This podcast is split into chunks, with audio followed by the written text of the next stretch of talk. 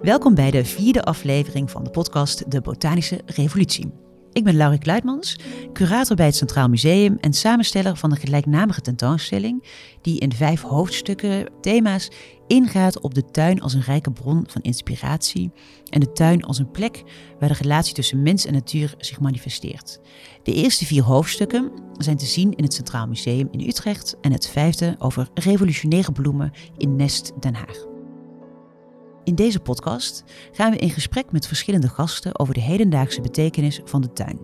We zoomen daarbij telkens in op één van de hoofdstukken uit de tentoonstelling. Vandaag verdiepen we ons in hoe we geleerd hebben de natuur te beschouwen door de ogen van de wetenschap en gaan we in gesprek met Norbert Peters. Norbert Peters is botanisch filosoof en als docent verbonden aan de Universiteit Leiden. Hij had zich bezig met de bijzondere wereld van planten en schreef onder andere het boek De Botanische Revolutie over Darwins plantenleer. En meer recent verscheen Wildernis Vernis, waarin hij aan de hand van de geschiedenis van het Vondelpark en het idee van rewilding de veranderende houding tussen mens en natuur in kaart brengt. Welkom Norbert in deze alweer vierde aflevering. Dankjewel. Ik zie eigenlijk wel honderd aanknopingspunten met jouw onderzoek en denk dat we zo uren kunnen praten. Maar Vandaag wil ik het eigenlijk vooral hebben over hoe wij eigenlijk naar planten kijken en wat dat zegt over onze relatie met de natuur. Het idee van onkruid bijvoorbeeld of invasieve soorten. Misschien uh, om uh, uh, als eerste vraag maar even dat helder te krijgen. Wat is een botanisch filosoof eigenlijk? Dat is een goede vraag. En dat is een uh, vraag waar we, we gaan ook al een beetje antwoord op geven als we het ook over onkruid gaan hebben en over plantenblindheid.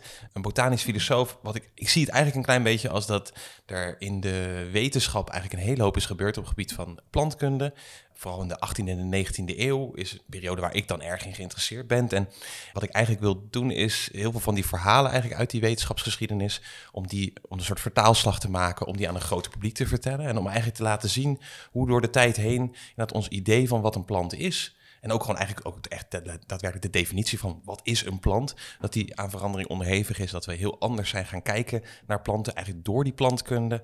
Ja, en ik probeer eigenlijk die verhalen eigenlijk dus ja, aan, aan een groot publiek mede te delen. Ja, in jouw boek De Botanische Revolutie bespreek je de, de plantenleer van, van Charles Darwin. En daarin in heb je het dus ook inderdaad over de plantenblindheid. Zou je daar eens iets, iets over kunnen vertellen? Wat is plantenblindheid? Ja, dat is eigenlijk een beetje een gek woord. Het is gemunt in 1999, alweer eigenlijk een tijdje geleden, uh, door James Wanderzee en Elizabeth Schussler. Dat waren twee, of dat zijn twee Amerikaanse eh, botanici, die ook vooral veel op het gebied van uh, educatie doen. En die merkten dat eigenlijk als je gewoon kijkt naar educatie, als je, eh, als je kijkt überhaupt naar natuurdocumentaires of naar uh, de boeken die verschijnen, dan zie je dat er enorme disbalans is tussen uh, hoeveel aandacht er eigenlijk uitgaat naar mensen vooral natuurlijk, maar ook naar dieren en naar planten. En zij munten toen het woord plantenblindheid, niet om te zeggen van we hebben geen oog voor planten of we kunnen niet een, een boeket waarderen of uh, lekkere vruchten of zo zien. Het gaat er meer om dat je eigenlijk een soort, ik zou in Nederland zeggen, oogkleppen op hebt. Zij proberen dat eigenlijk te definiëren aan de hand van dat bijvoorbeeld dat mensen vaak niet het belang zien van planten voor hun eigen overleven. En eigenlijk voor het overleven van de mensheid. Of het belang zien van planten voor de biosfeer. Voor het fabriceren van zuurstof, tegengaan van erosie. Maar ook bijvoorbeeld dat we niet altijd de complexiteit van planten goed onderkennen of onderstrepen. Dus dat is vaak wat heel veel mensen vaak niet weten: dat planten zintuigelijk zijn, dat planten bewegen, dat planten misschien zelfs een vorm van intelligentie zouden hebben. En de gedachte dat planten vrij simplistische organismen zijn, die eigenlijk onderaan de ladder van, laten we zeggen, de schepping staan. dus we hebben planten, dan daarbovenop dieren en dan daarbovenop mensen. We zien onszelf graag als dan toch een soort kroon op de schepping. En eigenlijk die drie dingen samen, die gebruiken ze, of die hebben zij eigenlijk verwoord in dat woord plantenblindheid. Dat vond ik een mooi voorbeeld wat uh, Stefan Marcuso aangaf, denk ik dat hij het was, in zijn boek over insectenetende planten. Dat eigenlijk zowel Linnaeus als, als Darwin al zagen dat uh, bepaalde planten niet alleen insecten, maar ook gewoon kleine beestjes aten, muizen en dat dat gewoon niet paste in die, die hiërarchie van de mens bovenaan, dan de, dan de dieren, dan de planten. Dus het kon eigenlijk niet zo zijn dat een plant een dier at, want dan ging je tegen die hiërarchie in. Ook al namen ze dat waar. Ja, niet, eh, kijk, het is vooral Darwin. Linnaeus is juist eigenlijk degene die dat niet gelooft. Dus die krijgt op een gegeven moment van een, een, brief van een bevriende Ierse natuurgeleerde, John Ellis. En die beschrijft de venusvliegenval. Dat is eigenlijk ook een van de bekendste vleesetende planten. Die, als je naar de bloemist gaat, zie je ze ook vaak met van die beetje schelpvormige mondjes. Die dan, uh, als je er dan langs strijkt, dan, dan slaat zo'n mondje dicht. Hij stuurde daarover een brief aan Linnaeus van ik heb een plant beschreven uit de Verenigde Staten. Heel bijzonder. En ik denk dat het een vleesetende plant is. En dan zegt Linnaeus eigenlijk van dat dat kan niet. Eigenlijk op basis van wat de Bijbel vertelt. Namelijk dat de planten er zijn om de dieren te voeden, kan dat natuurlijk niet andersom zijn dat dan planten zich zouden voeden met dieren. En wat je bij Darwin ziet, is eigenlijk dat Darwin voor het eerst laat zien van waarom zou in hemelsnaam een, een, plant uh, vlees gaan eten, of überhaupt eigenlijk prooien gaan lokken en vangen en verschalken. En hij laat ook zien hoe ze dat doen. Dat is eigenlijk een van de eerste keren dat hij ook plantfysiologisch te werk gaat, dat hij echt laat zien oh, eh, die planten zijn in staat om bepaalde enzymen aan te maken. En die enzymen die breken inderdaad dat dierlijk weefsel af. En hij laat dan eigenlijk zien dat deze planten speciaal zijn aangepast om te overleven in een habitat die heel arm is aan mineralen. Eigenlijk wat wat zouden noemen de arme gronden, voedselarme gronden. Daar bedoel je dan mee, er zit heel weinig stikstofverbindingen in de grond en fosfor en al dat soort zaken. Dus die planten zijn dan eigenlijk geadapteerd om ja, om, om, om, insecten te vangen en, en, die te, en die te op te eten. En op die manier komen ze dan aan hun mineralen die de meeste planten normaal gewoon krijgen uit de bodem via hun wortels. Ja. Wat, um, wat ik eigenlijk heel um, passend uh, vind in hoe je, hoe je dat beschrijft, is dat het heel erg gaat over een andere manier van kijken. En ik denk dat dat de botanische revoluties zijn die ons verbinden. Uh, dat het in de, in de tentoonstelling ook echt heel erg gaat over hoe wij geleerd hebben om dat beeld van de tuin te lezen, hoe wij die tuin hebben verbeeld, maar ook hoe wij geleerd hebben om naar de natuur te kijken door onder andere de ogen van de wetenschap. En een van de kunstwerken in de tentoonstelling is uh, van Rumiko Hagiwara, een Japanse kunstenaar Nederland uh, woonachtig, die een foto heeft gemaakt van een, een, tuin in de winter, een botanische tuin in de winter. En wat je ziet is eigenlijk nou ja, een stuk aarde, zand uh, met allerlei naambordjes. Dus het, laat ook een beetje de absurditeit zien van, um, van de, de wetenschap. Yeah. Of een soort van, van de wens van ons om alles altijd maar te categoriseren en te benamen en te benoemen en te begrijpen. Uh, een ander werk van, van Romiko Hagiwara laten we buiten in de tuin zien en buiten op straat. En dat is eigenlijk een hele kleine interventie. En het is een, een klein naambordje met daarop de definitie van onkruid. Een onkruid is een plant die wordt beschouwd als ongewenst in bepaalde situaties. Een plant op de verkeerde plaats. Veel voorkomende voorbeelden zijn planten die ongewenst zijn in door mensen gecontroleerde omgevingen zoals landbouwgronden, tuinen, lanen en parken. Taxonomisch heeft de term onkruid geen botanische betekenis, want een gewas dat in de ene context een onkruid is, is dat niet per se als het groeit in een situatie waar het gewenst is.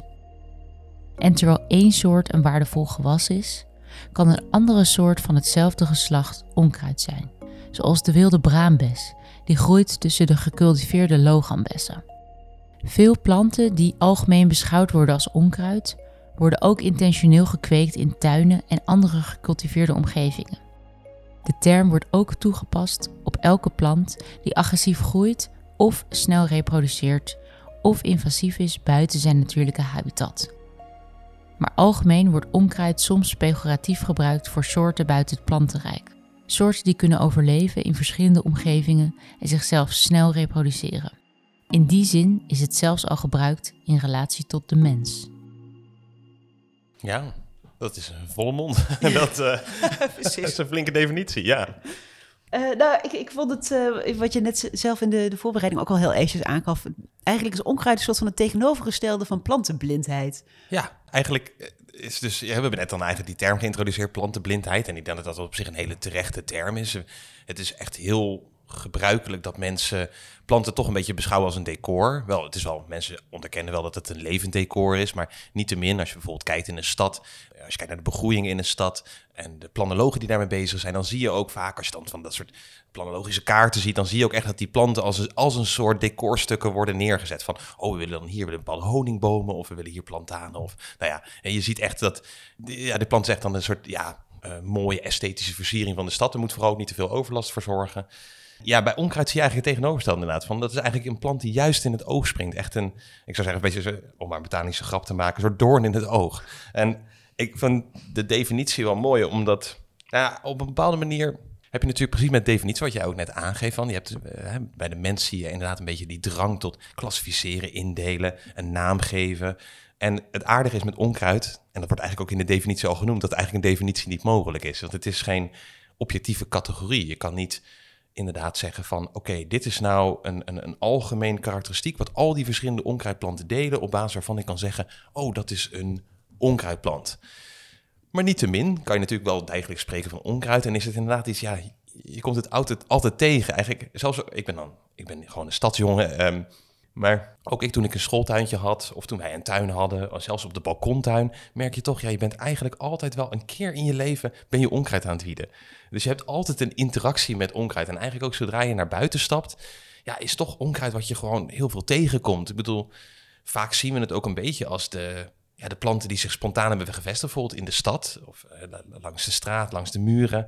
En, en Dus je komt het altijd tegen. Jij bent nu bezig met een onderzoek naar eigenlijk een beetje de, kort gezegd, de geschiedenis van het onkruid. Zeg ik dat goed? Ja dat, ja, dat zeg je zeker goed. Ik ben inderdaad als een buitenpromovendus betrokken bij uh, Universiteit Leiden. En mijn proefschriftonderzoek gaat inderdaad voor een heel groot deel over onkruid. En maar met name over een, een, nieuwe categorie onkruid, waar we waarschijnlijk later over te spreken komen, namelijk invasieve exoten.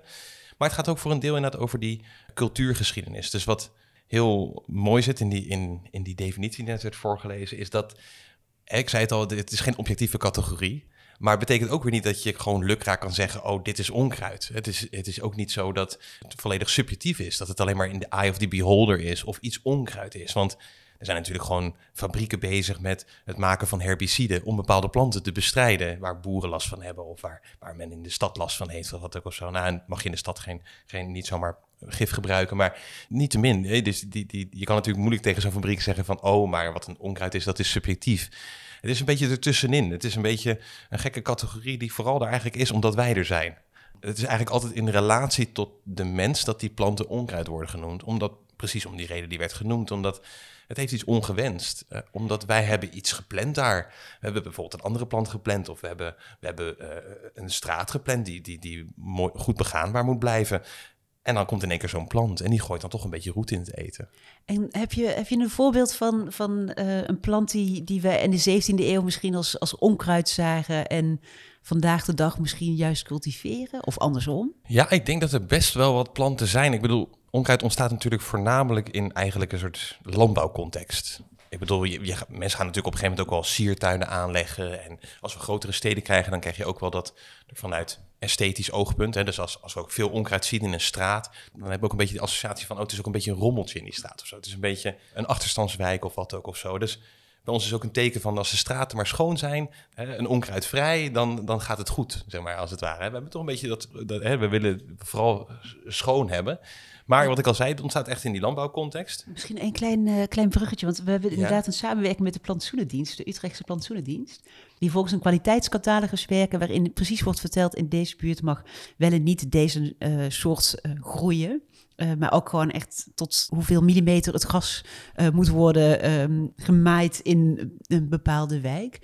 Ja, je ziet echt die beheersingsdrang natuurlijk. Ja. En dat, dat begint natuurlijk, in de landbouw, wat ik al zei, die hebben daar natuurlijk als eerste last van. En je vroeg inderdaad van, ja, zijn er dan planten die we dan tegenwoordig anders waarderen? Ik, ik denk vooral eigenlijk de onkruidplanten uit die landbouwcontext, die kennen heel veel mensen eigenlijk niet meer. Als je het hebt over herik of duist of een akkerviooltje of een roggelelie, dat zijn eigenlijk geen soorten die ja, dat ring a bell. Want ik bedoel, de meeste mensen wonen in de stad en hebben geen akker meer. En hebben daar ook, ja, hebben ook in die, daar, in die zin daar geen last van. Sterker nog, heel veel van die planten worden eigenlijk nu juist wel gewaardeerd omdat het bijvoorbeeld belangrijke nectarplanten zijn, of omdat het planten zijn die goed opkomen in ieder geval en die toch nog een beetje biodiversiteit met zich meebrengen. En bijvoorbeeld ook een roggelee, die is schitterend om te zien. Als je een roggeveld een roggelee tegenkomt, is een prachtig, prachtige plant. Uh, maar je kan je voorstellen dat het zeker vroeger, en trouwens vandaag de dag nog steeds, hebben natuurlijk landbouwers last van, van onkruid. Maar je ziet toch dat heel veel van die akkeronkruiden, zeker in stedelijke context, worden die eigenlijk heel anders gewaardeerd tegenwoordig. Ja. In de, de definitie van onkruid die, die we net hoorden, kwam het eigenlijk ook al eh, werd het eventjes al aangestipt. De invasieve soorten. Mhm. Maar wat ik er fascinerend aan vind, is, is hoe, we, hoe we daarover praten, over invasieve soorten. Dat het iets is wat, ja, waar, waar mensen bang voor zijn, eh, wat vaak gepaard gaat met, met het verbinden aan een bepaald land. Dus de Japanse duizendknopen inderdaad. Dus dan, dan Zeker. heb je daar ook meteen een beeld bij van dat is uit Japan hier naartoe gekomen. Eh, hoe is dat dan hier naartoe gekomen en hoe heeft het zich hier verspreid? Dus het is een, een begrip wat vooral heel veel vragen oproept. En ja, waar een soort van angst uitspreekt, waarvan ik me afvraag van, is die angst terecht? En is het begrip misschien, eh, is het begrip wel, wel de juiste manier om het over deze, deze soorten te hebben? Ja, nee, ja, je noemt natuurlijk daar een, een, een hele hoop. En daar is veel over te zeggen. Kijk, dus wat meestal inderdaad gebeurt, is dat er eigenlijk, nou ja, sinds de jaren 50 van de vorige eeuw zie je dat de invasiebiologie opkomt. Dat men voor het eerst eigenlijk ja, oog begint te krijgen voor ehm, soorten die niet van hier zijn, zou je dan kunnen zeggen. Dus uitheemse soorten, exoten. En die ook nog eens een keer zich goed hun eigen boontjes weten te doppen. Dat is eigenlijk altijd een beetje de, de definitie. Dus het is een, een invasieve exoot, wat natuurlijk ten opzichte staat van een inheemse plant. Dus je hebt een soort onderscheid tussen inheems en uitheems. Dus een sterk ook plaatsgebonden onderscheid, wat je ook zegt. Het- Je spreekt van de Japanse duizendknoop. En wat je dan vaak ziet, is dat die planten eigenlijk zijn binnengehaald uit een soort sieroverwegingen vaak, soms ook uit nutsoverwegingen. Er groeien natuurlijk sowieso een hele hoop exoten in Nederland. Wij leven van exoten, aardappelen, maïs, tarwe, rijst, dus natuurlijk allemaal exoot. Je zou zelfs kunnen beweren dat ook wij mensen, die toch voor het grootste deel van onze evolutionaire ontstaansgeschiedenis ons in Afrika hebben opgehouden, dat ook wij ons wel een beetje gedragen als een invasieve exoot. Dat is altijd wel grappig in die discussie over invasieve exoten, als je dat aanhaalt van, ja, hoe zit het dan eigenlijk met onszelf? En vaak scheppen mensen ook de omstandigheden waarin invasieve exoten heel goed kunnen gedijen. We, we bewerken de grond, we verrijken de grond, eh, kijken naar het stikstofdebat. Of, eh, en dus eh, we, we scheppen ook wel de mogelijkheden dat planten zich ook wel op die manier kunnen vestigen. En ja, ik heb op allerlei manieren heb ik een probleem met het woord invasieve exoot. Omdat eigenlijk net als met het woord onkruid, er werd ook al even gezegd in de definitie, het heeft een soort pejoratieve lading. Je vindt heel veel hele serieuze ecologische rapporten waarin wordt gesproken over invasieve exoten. Maar zowel het woord invasief als het woord exoot, dat schuurt een beetje, vind ik. Dus er is op een gegeven moment in 2011 is er een, een, een artikel verschenen in Nature, het grote wetenschapstijdschrift. En dat, had als titel Don't judge a species on its origins. Dus veroordeel een soort niet op basis waarvan die vandaan komt. Want die ecologen zeiden ook, ja, dat heeft eigenlijk niet zo heel erg gek veel zin.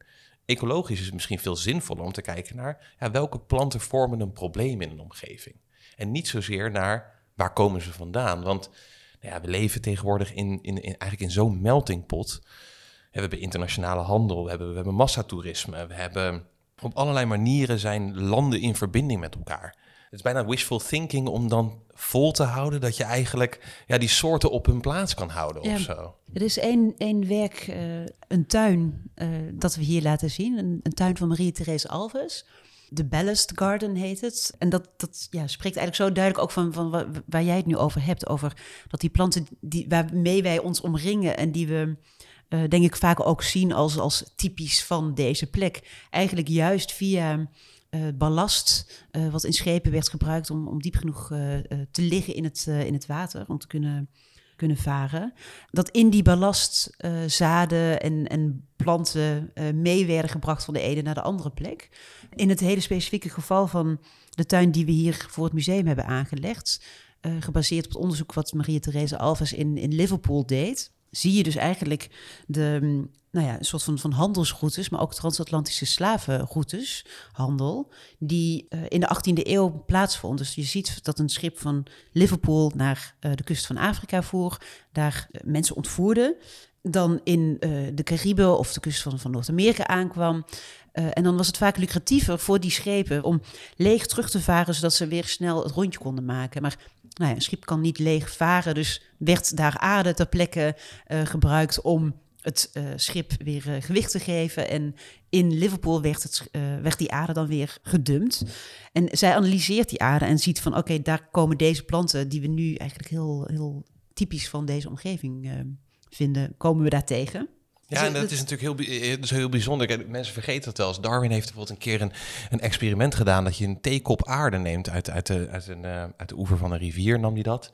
En toen ging hij kijken wat, hoeveel plantjes daarin zaten. Er zaten 400, 500 zaden in een theekop aarde. Dus je je neemt echt een hele hoop Ja. mee. En die geschiedenis laat natuurlijk op een hele. Die, zwarte bladzijde laat inderdaad ook zien dat ja, planten migreren mee. Dat gebeurt soms bewust. Er is heel mooi onderzoek bijvoorbeeld van uh, professor Tinde van Andel over rijst wat mee werd genomen door tot slaafgemaakte mensen uit Afrika naar uh, de koloniën. En dat ook daar wordt verbouwd. En dan zie je meer dat het bewust. Mensen nemen eigenlijk hun, culturele erfgoed mee, zou je kunnen zeggen. Of in ieder geval hun, hun landbouwerfgoed. Het gebeurt natuurlijk ook heel erg onbewust, zoals je zegt. Als je dat belast, als je dan grond meeneemt. En dat zie je natuurlijk ook eigenlijk in die koloniale geschiedenis. Zie je natuurlijk dat planten volgen die mensen. Onkruid zou je kunnen zeggen, zijn echte cultuurvolgers. Ze zijn eigenlijk een beetje ongewenste cultuurplanten. Ze zijn uitzonderlijk goed aangepast aan een door de mens gecultiveerde omgeving. Maar ze zijn niet intentioneel geplant. dus wat je inderdaad ziet, als, kijk, als de Engelsen en nog meer Europeanen naar Amerika toe gaan, dan nemen ze de, de weegbree mee bijvoorbeeld. En die verspreidt zich dan door, door de Verenigde Staten. Maar het kan ook bewust gebeuren. Dus die Japanse Duitse knoop, dat zie je trouwens met heel veel van die invasieve exoten. Ja, die werden echt bewust meegenomen als tuinplant. Dus Philip Frans van Siebold, uh, een Beierse arts die voor, uh, voor het Nederlands leger werkte, die was gestationeerd in Dezima, in, in, in Nagasaki in Japan. En heel veel Japanse planten hier geïntroduceerd. Dus heel veel van onze tuinen. Dan, dus dat vergeten mensen wel. Zoals een hortensia en een blauwe regen en, en de hosta. Maar dus ook de Japanse duizendknoop. Dat zijn eigenlijk geïntroduceerde Japanse sierplanten. En één daarvan, die is dus ja, een soort gone wild. Hè? Die is gaan woekeren.